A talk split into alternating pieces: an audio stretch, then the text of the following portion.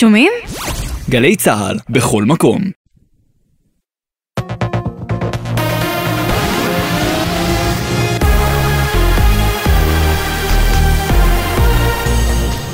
גלי צה"ל השעה שבע, ערב טוב באולפן גל אשד עם מה שקורה עכשיו. בית משפט ברבת עמון הורה לישראל לשלם פיצוי גבוה לאזרח ירדני שנפצע מירי של מאבטח בשגרירות בשנת 2017. עם הפרטים כתבנו לענייני ערבים ג'קי חוגי. הפרשה חוללה בזמנו משבר חריף ביחסי שתי המדינות. המאבטח חשב בטעות כי שלושה ירדנים תוקפים אותו, ירה והרג שניים מהם. התובע, נהג שהוביל רהיטים, טען כי הפציעה גרמה לו הפסדים ואובדן כושר עבודה.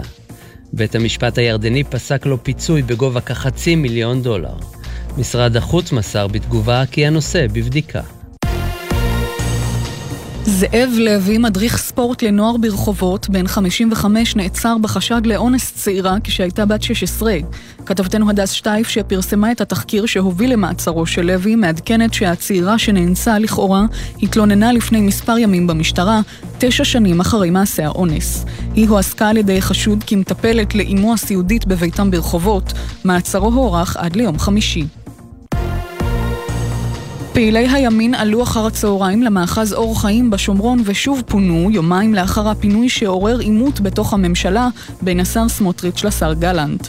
חבר הכנסת שמחה רוטמן מהציונות הדתית אמר בריאיון לירון וילנסקי ביומן הערב של גלי צה"ל, הפינוי מהווה הפרה של ההסכמים הקואליציוניים. למיטב ידיעתי, אה, לא ניתנה הוראה לא, לפ... לא לפנות את המאחז, ניתנה הוראה להמתין עם זה, ואת ההמתנה הזאת אה, לא רצה השר אה, גלנט, ומה שהוא עשה זה הפרה של ההסכמים הקואליציוניים, ולכן הטענה שלנו היא לא, כמובן לא כלפי הכוחות שפינו, אלא הטענה שלנו במישור הפוליטי מול גלנט ומול נתניהו, שצריכים לדאוג שההסכמים הקואליציוניים מתקיימים. כתבנו שחר גליק מציין כי הבוקר דרש השר איתמר בן גביר בישיבת הממשלה לפנות גם את המאחז הבדואי ח'אן אל-אחמר כדי לקיים לדבריו אכיפה שוויונית בפני החוק. ארגון העיתונאים והעיתונאיות דוחה את הצעת החוק של חבר הכנסת בועז ביסמוט מהליכוד, שעל פיה עיתונאים יחויבו לאשר הקלטות עם המוקלטים. עם הפרטים כתבתנו עינב קרנר. הצעת החוק של חבר הכנסת ביסמוט, לפי העיתונאים לא יוכלו לפרסם הקלטות בלי אישור המוקלטים, עוררה זעם רב בקרב עיתונאים רבים, כלפי הצעת החוק הראשונה של חבר הכנסת הטרי, שעד לא מזמן היה עיתונאי. ארגון העיתונאים והעיתונאיות דוחה את הצעת החוק, אשר מגבילה את חופש העיתונות ופוגעת בציבור. הציבור. עוד על פי הארגון, חלק מעבודתו של העיתונאי הוא פרסום הקלטות שלעיתים חושפות את מה שגורמים שונים מעדיפים שיישאר בחדרי חדרים. שני ילדים ביום, הסרט ששר התרבות והספורט מיקי זוהר פועל לשלילת מימונו בטענה שהוא מוציא את דיבתה של ישראל, יוקרן בגימנסיה הרצליה.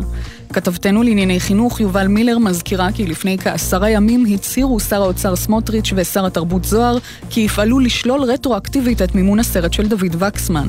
ההקרנה של הסרט בגימנסיה הרצליה תתקיים בחודש הבא. מזג האוויר למחר, עלייה קלה בטמפרטורות, בעיקר במישור החוף ובשפלה. לעדכונים נוספים, חפשו את גלי צה"ל בטוויטר. אלה החדשות שעורך ערן קורץ, בצוות שחר קנוטובסקי ואורי דהן.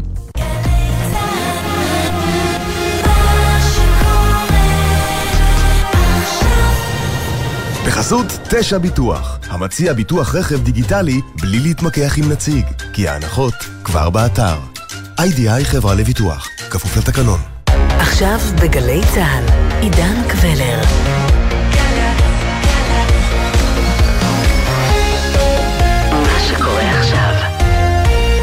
שלום לכם, מאולפן 360 ביום, ההסכת היומי של גלי צה"ל. הזדמנות מעולה לחצי שעה של העמקה, כל יום בנושא אחד שמעסיק את כולנו, מ-360 מעלות. לחיות בניו זילנד ולשמוע תודה רק ביום ההולדת של המלכה והפעם התפטרותה המפתיעה של ראש ממשלת ניו זילנד, ג'סינדה ארדרן, הפוליטיקאית שהדהימה את העולם כשהייתה לראשת הממשלה הצעירה בהיסטוריה, רק בת 37 בשעתו. דמות פופולרית שזכורה בהצלחתה בעת מגפת הקורונה, ושהקריירה שלה החלה דועכת דווקא כשהמגפה דעכה. מצב כלכלי לא פשוט, פשיעה ומתנגדי חיסונים שלא הוסיפו לה שקט נפשי, הביאו אותה, במבט צופה פני עתיד, הרואה שאת הבחירות הבאות היא כנראה לא תנצח, להגיד כבר עכשיו, איני יכולה עוד. Today I'm announcing that I will not be seeking re-election and that my term as Prime Minister will conclude no later than the 7th of February. גרונה החנוק מדמעות פרידה הוא אולי הסמל שהפך אותה למה שהיא. סמל שיתואר רבות במסע שלנו על ידי מילות מפתח כמו אמפתיה, אנושיות, חמלה ונגישות. פותח, יוסף ישראל, כתב חדשות החוץ של חדשות 13. זה מה שמדהים בג'סינדה ארדן, היא אחת שבעצם זה מה שהביאה לשולחן כל השנים האלה שהכרנו אותה, את ה, מה שנקרא האנושיות הזאת שאנחנו לא רואים אצל מנהיגים, ולכן היא הרגישה מספיק בנוח, ואתה יודע מה, עידן, אני אפילו מאמין לה, אה, ולא תמיד, אתה יודע, קל להאמין למנהיגים שמתרצים כל מיני תירוצים על למה הם עוזבים, כי היא באמת כל הזמן ניסתה אה, להראות שמנהיג הוא גם אנושי. בואו נזכור שהיא אה, ילדה במהלך הכהונה שלה, ואני חושב שגם את זה היא עשתה באופן הצהרתי, וגם לקחה חופשת לידה, והיא כל הזמן, היא גם סבבה סביב הרגשות שלה וכולי, וכשהיא באה לניו זילנדי באותה אה, עצרת של מפלגת הלייבור ואמרה אה, אין לי יותר אנרגיה, אני באמת חושב שהניו זילנדים, גם מי שאוהב אותה וגם מי שלא אוהב אותה, האמין לה שהסיבה שבאמת היא עוזבת, הטנק שלה לא מלא, ככה היא אמרה, או שאין לה מספיק אנרגיה, ולכן היא עוזבת, היא אומרת, הגעתי למסקנה כזאת, היה לי איזה חופשת קיץ שגם בה אה, יכולתי לחשוב עם עצמי, ואני רוצה, וצריך להגיד, ניו זילנד הולכת אה, לבחירות, והיא אומרת, אני רוצה אה, שלבחירות האלה יבוא מישהו שיש לו את הכוח ואת האנרגיה לעשות את זה. אני, אחרי כמעט שתי קדנציות מלאות, כבר אין לי את הכוח לעשות את זה. היכן החלה הנסיגה במעמדה? מדברים על התקופה שאחרי הקורונה, שבאה בעקבות הצלחה מרשימה שם. דווקא בתקופה שאתה יודע, שהעולם נאבק בקורונה, אני חושב שלג'סינד ארדן היה את הקרדיט אה, ללכת לאסטרטגיה שהיא אה, הלכה אליה, כן, נזכיר, אסטרטגיית אפס ההדבקה, כמוה כמו אה, אוסטרליה ובאופן אחר, אבל אחר אבל לא אחר, גם סין, בעצם ללכת ולמגר את הקורונה, לסגור את הגבולות ובעצם לחיות את החיים שלנו כשאנחנו כל הזמן חיים סביב הקורונה ואם קורה משהו אז כולם בסגר וכולי, היה לה את הקרדיט הזה, את הקרדיט הציבורי הזה ולכן דווקא אני חושב ששם הפופולריות שלה עלתה דווקא.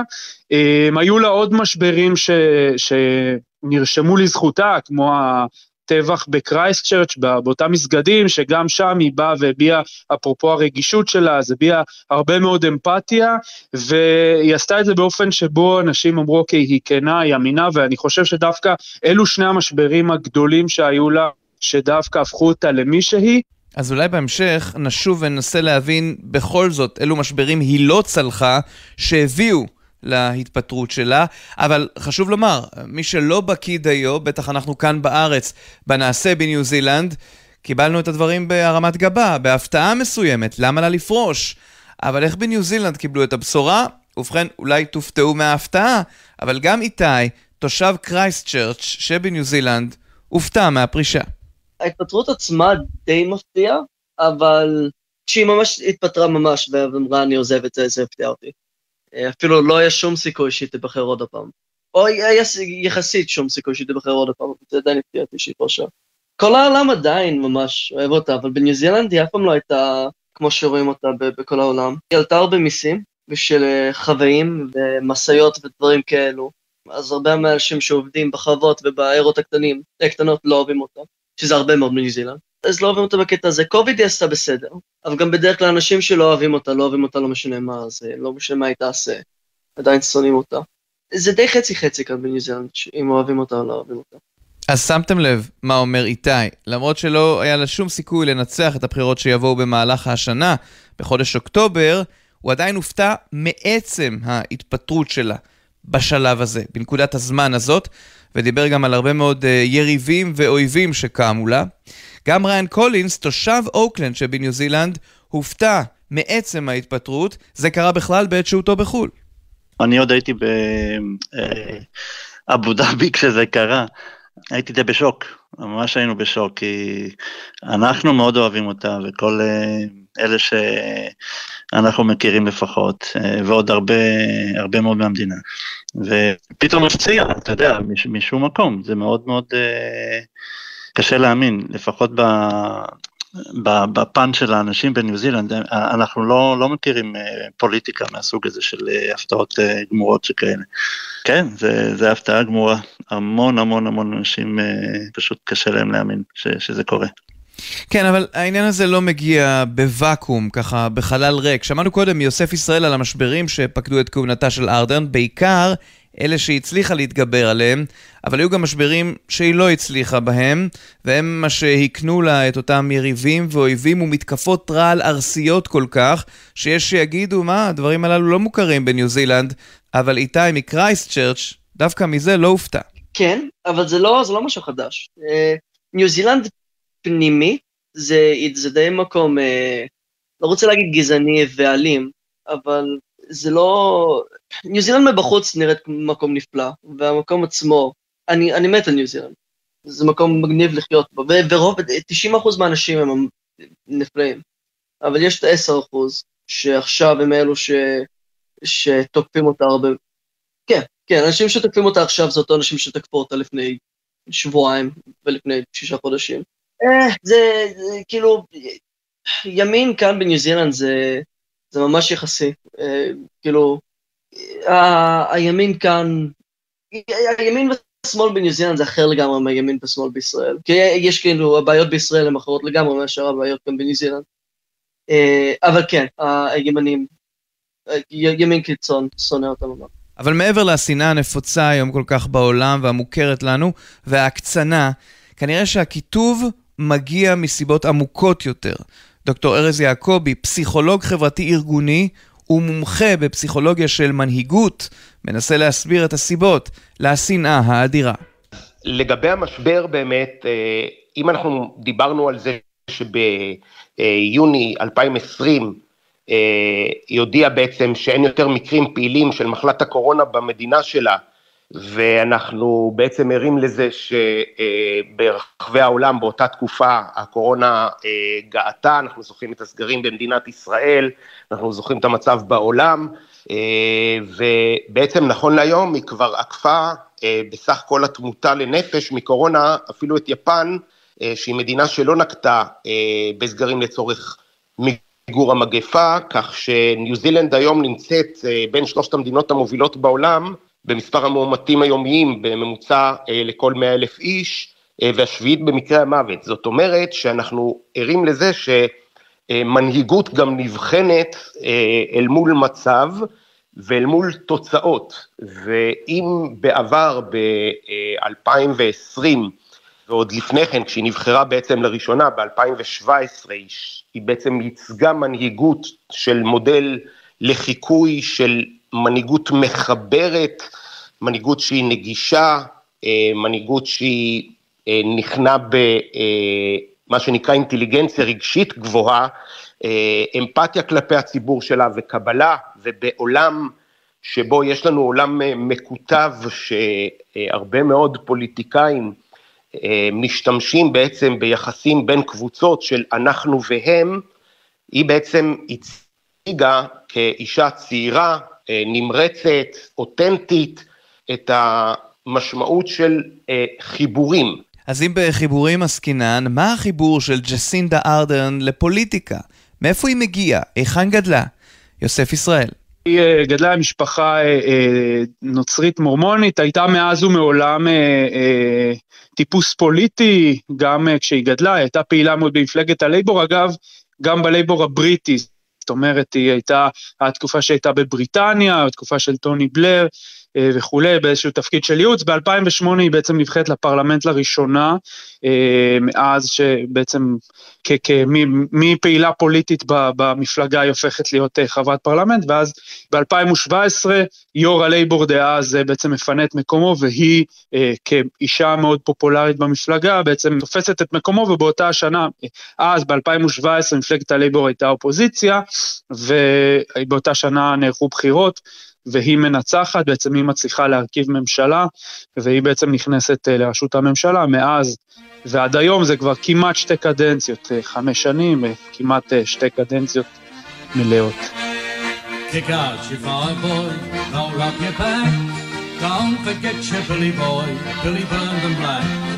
Like Billy boy, black as it can be. For black Billy that's the stuff for me. לארדרן קרה משהו שנפוץ מאוד בעולם. היא הייתה פופולרית מאוד מחוץ למדינתה, ועשתה לעצמה שם בינלאומי של מנהיגה חדשנית ופורצת דרך. אבל, מנגד, ירח הדבש שלה, פנימה, בתוך ניו זילנד, לא ארך הרבה זמן. דוקטור ארז יעקבי.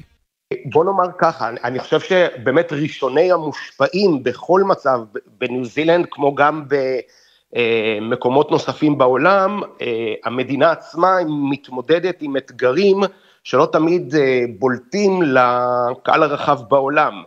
כי המדיניות שלה של אפס הדבקה ואנשים ש...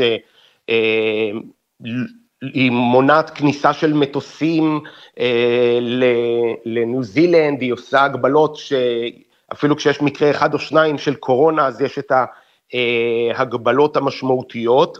האזרחים עצמם, אזרחי ניו זילנד, בעצם אה, מתמודדים עם אותם אה, אה, משברים וחווים אותם הלכה למעשה, בעוד שבעולם התמונה שמצטיירת היא פחות על ה... פרט, אלא יותר על תמונת המקרו, אה, וגם המסגור של הסיפור הוא גם חלק מאוד מאוד משמעותי מהתמונה כולה, ובעולם בדרך כלל אוהבים להציג את הנקודות שמשרתות את האינטרסים של המדינות, של המנהיגים, וכל התהליך עצמו הרבה פעמים שם גם בצד את המקרים הפרטיים שבמקרה הזה אזרחי ניו זילנד חוו בעצמם. אז בהחלט שזה ייתכן מאוד, שבהחלט נקודה מצוינת שאתה מעלה. אז בואו נחזור לניו זילנד עצמה, איך התמודדו שם עם המדיניות הנוקשה כלפי הקורונה? ריין קולינס, מאוקלנד. את הקורונה, את השנה הראשונה, היה לה מדיניות של zero uh, tolerance לקוביד, ומה שהם ניסו לעשות זה elimination. הם, הם יש elimination, יש אחר כך פשוט התמודדות ויש אחר כך פשוט protection, שאתה יודע, זה הדבר האחרון שאנשים רוצים, לשים כל הזמן מסכות על הפנים.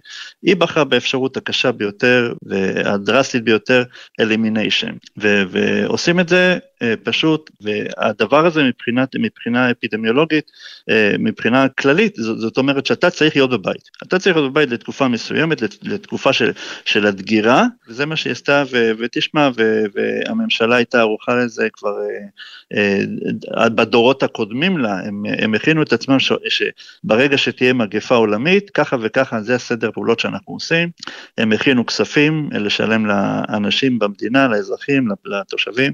הם עשו את הכל כמו שצריך. אבל אז מגיעה העת להסתכל לקורונה בעיניים ולהביא לניו זילנד את החיסונים. וגם שם, כמו בכל העולם, קמו עליה לכלותה מתנגדי החיסונים, שלא בחלו בשום אמצעי במלחמתם במזרק. ועכשיו צריכים uh, כמובן לטפל בזה לא רק uh, דרך אלימיניישן, צריכים uh, בשלב מסוים גם להוציא את האנשים החוצה, ועושים חיסונים, אז כל, כל העולם באמת נרתם לעבודה הזאת, ובאמת הצליחו לעשות חיסונים. ואז כשהתחילו החיסונים, אנשים, חלק מהאנשים ראו בה כמו איזה מרשעת, ואת מחייבת אותנו, ואת, ואת הורגת אותנו, אתה יודע, כל מיני anti-vax organizations, פשוט היו נגדה והשיח התחיל להיות מאוד מתלהם, משהו שהוא לא, הוא ממש לא שכיח פה בניו זילנד, הוא ממש ממש לא. זה, זה לא. זה לא מה שאתה יכול uh, לשמוע פה ב, ב, בקרב האוכלוסייה שלנו. ו, וזה, ותשמע, והסושיאל מדיה גם כן מאוד מאוד תרמה לזה, אתה כל הזמן שומע פה ושם איומים, ואז אחד מאיים, אז השני גם uh, מקבל ביטחון להתחיל לאיים, והמילים הופכות להיות יותר, יותר אה, אה, חמורות ויותר קשות ויותר מאיימות. ותוסיפו לכל אלה ריבית שנושקת לכמעט 7 אחוזים, אינפלציה, הכלכלה, אתם יכולים להניח מהפרטים הללו, לא בשיאה, קחו את זה לפופולריות שלאט לאט יורדת, ואתם מגיעים להודעת הפרישה. אבל איך תיזכר הפרישה הזאת של ארדרן? בריחה מאחריות או דווקא לקיחת אחריות? מחד, היא חוסכת לעצמה את ההתמודדות בבחירות, שזו בריחה מסוימת. מנגד, יש פה השלמה, עם מצב אלקטורלי לא פשוט בו היא נמצאת. דוקטור ארז יעקבי. בסופו של דבר, הסיפור שהצטרב בתודעת הציבור, גם הציבור הניו זילנדי, גם הציבור בעולם, הוא בעצם פועל יוצא הרבה פעמים של מסגור התופעה. אז אני אתן דוגמה למשל, כשהיא פרשה, היא בעצם, אני אה, מצטט בין היתר את מה שהיא אמרה, היא אמרה כמי שתמיד ניסתה להיות אדיבה, אני מקווה שאעזוב את הציבור עם אמונה שאדם יכול להיות אדיב, אמפתי ואופטימי מצד אחד, אבל גם חזק, החלטי וממוקד, ובעיקר כמנהיגה שידעה מתי הגיע הזמן ללכת. והיא גם ממשיכה ואומרת שהיא קיוותה למצוא במהלך חופשת הקיץ שלה איזה אנרגיה למלא את התפקיד, לא רק לשנה הקרובה, אלא גם לקדנציה הבאה, אבל היא לא מצאה את הכוחות. זאת אומרת, היא ממסגרת את הסיפור באופן שבו אני לוקחת אחריות, עשיתי תהליך של חשיבה, זה לא החלטה שהיא החלטה אה, אה, מהירה כלאחר יד, אלא תהליך של שיקול. ארדר ייצגה את רוח הזמן בפוליטיקה העולמית, נשים צעירות ופורצות דרך המשלבות כישורים פוליטיים בלתי מבוטלים עם יכולות בין אישיות שלא רואים כל יום. פרופסור עופר קניג, עמית מחקר במכון הישראלי לדמוקרטיה, ומרצה במכללה האקדמית אשקלון.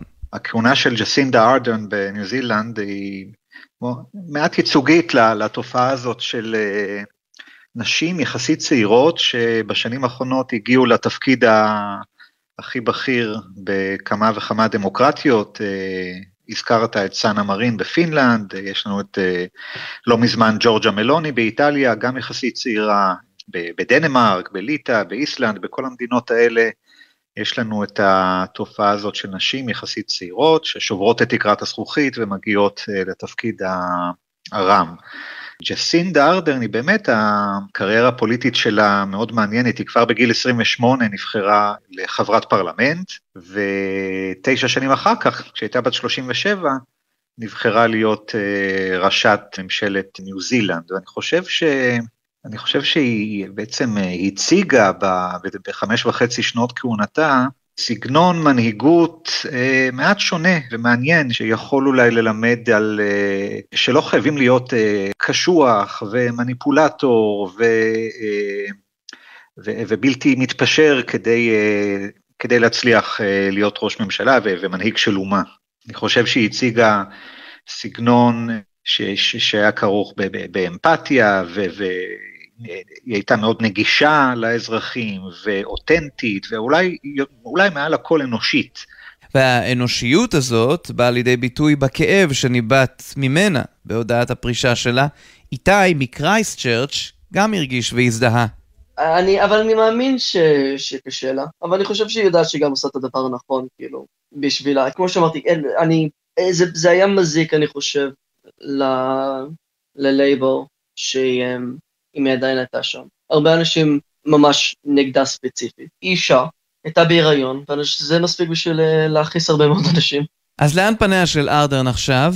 יוסף ישראל, חדשות 13. יש לה גם אה, שם עולמי, היא, היא צברה שם עולמי גם בזכות מי שהיא, בזכות היותה אישה, היא גם נבחרה כצעירה ביותר בתקופה הזאת ב-2017, הייתה רק בת 37, אה, והיא נחשבת למובילת דעה, נקרא לזה, בעניינים עולמיים, כמו למשל סוגיית האקלים, היא, היא הפכה להיות אחד מראשי החץ במאבק באקלים וכולי, אז יכול להיות שזה באמת מה שראינו אנשים שהלכו לכיוון הזה, כן, לכיוון של מאבקים גלובליים, כמו למשל אה, שר החוץ אה, קרי, שהלך להיות אה, נציג באו"ם לענייני אקלים וכולי, יכול להיות שזה מה שהיא תעשה, אני חושב שזה מה שהשקיע בו את רוב החיים הפוליטיים שלה בסוף, אז יכול להיות שהיא תלך לשם, יכול להיות שאיך, אתה יודע, תעשה לביתה, אני לא יודע, יש לה בסוף ילדה קטנה בבית. אז מה אפשר ללמוד על כהונתה של ג'סינדה ארדרן, על בחירתה, על בחירתן של נשים, כפי שאמרנו, בכל רחבי העולם, בעיקר זה המערבי.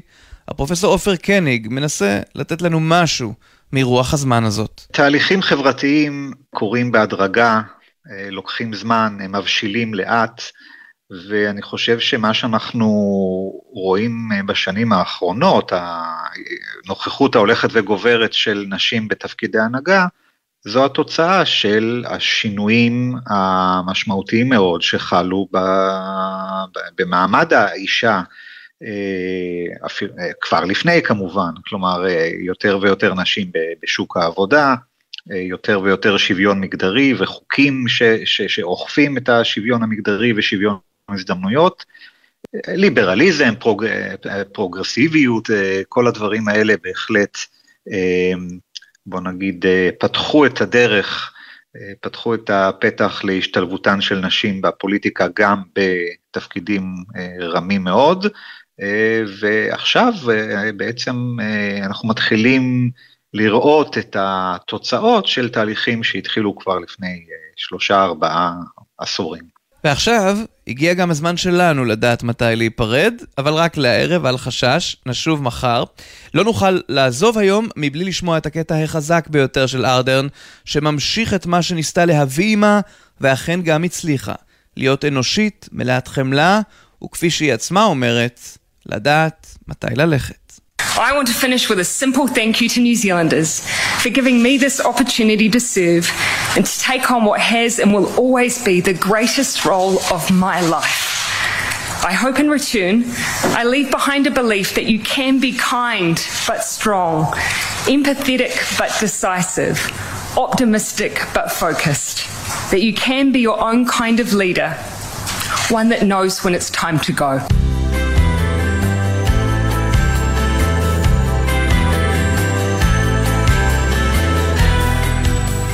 עד כאן 360 ביום, ההסכת היומי של גלי צה"ל.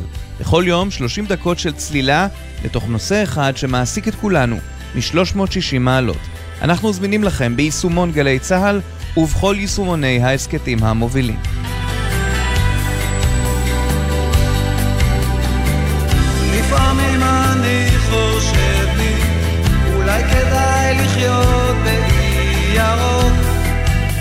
העורך נמרוד פפרני, על הביצוע הטכני תומר רוזנצוויג, בפיקוח הטכני עומר נחום, עורכת הדיגיטל היא מיה אורן, אני עידן קבלר, שלום.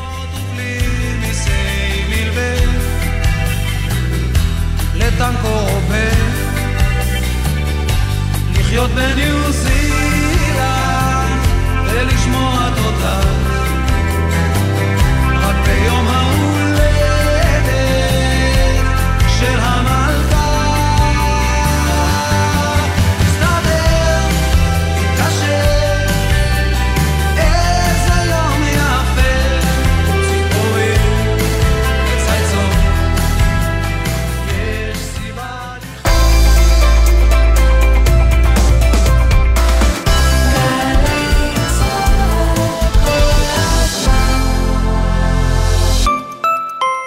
רגע את כדור הארץ. עצרו. על מה עצרתם? וייטנאם, ברזיל, קניה, הודו, צ'ילה? אז עוד רגע אתם שם, במרכזי הכלכלה של העולם. הצטרפו לנבחרת הנספחים והנספחות של משרד הכלכלה והתעשייה, סייעו לחברות הישראליות ביצוא אל בירות הכלכלה המובילות בעולם, פיתחו דלת להשקעות זרות בארצנו, וקדמו הסכמי סחר בינלאומיים. יש יותר מרתק מזה? חפשו בגוגל. צוערים, משרד הכלכלה. מנהל סחר החוץ במשרד הכלכלה והתעשייה. עתידכם בסמינר הקיבוצים מתחיל עכשיו. אתם מוזמנים ליום הפתוח לתואר ראשון, יום ג' 24 בינואר בשעה 3. לפרטים התקשרו, כוכבית 8085. סמינר הקיבוצים, מכללה מובילה לחינוך ולאומנויות. שלום, כאן איתי הרמן. זה שאני יודע את כל שמות נשיאי ארצות הברית, למשל, עזר לי לקבל לא מעט משרות. לרעיונות העבודה שלכם, זה בוודאי יועיל פחות. אבל מה שתלמדו באתר קמפוס IL יכול להעניק לכם יתרון בכל ראיון. כי בקמפוס IL תמצאו קורסים חינם כמו כתיבת קורות חיים, יצירת פרופיל לינקדאין, אקסל למתקדמים ועוד רבים שישדרגו לכם את קורות החיים. קמפוס IL, בהובלת מערך הדיגיטל הלאומי והמועצה להשכלה גבוהה. עכשיו בגלי צה"ל, טלי ליפקין-שחק, עם רצועת הביטחון. הבית של החיילים, גלי צה"ל.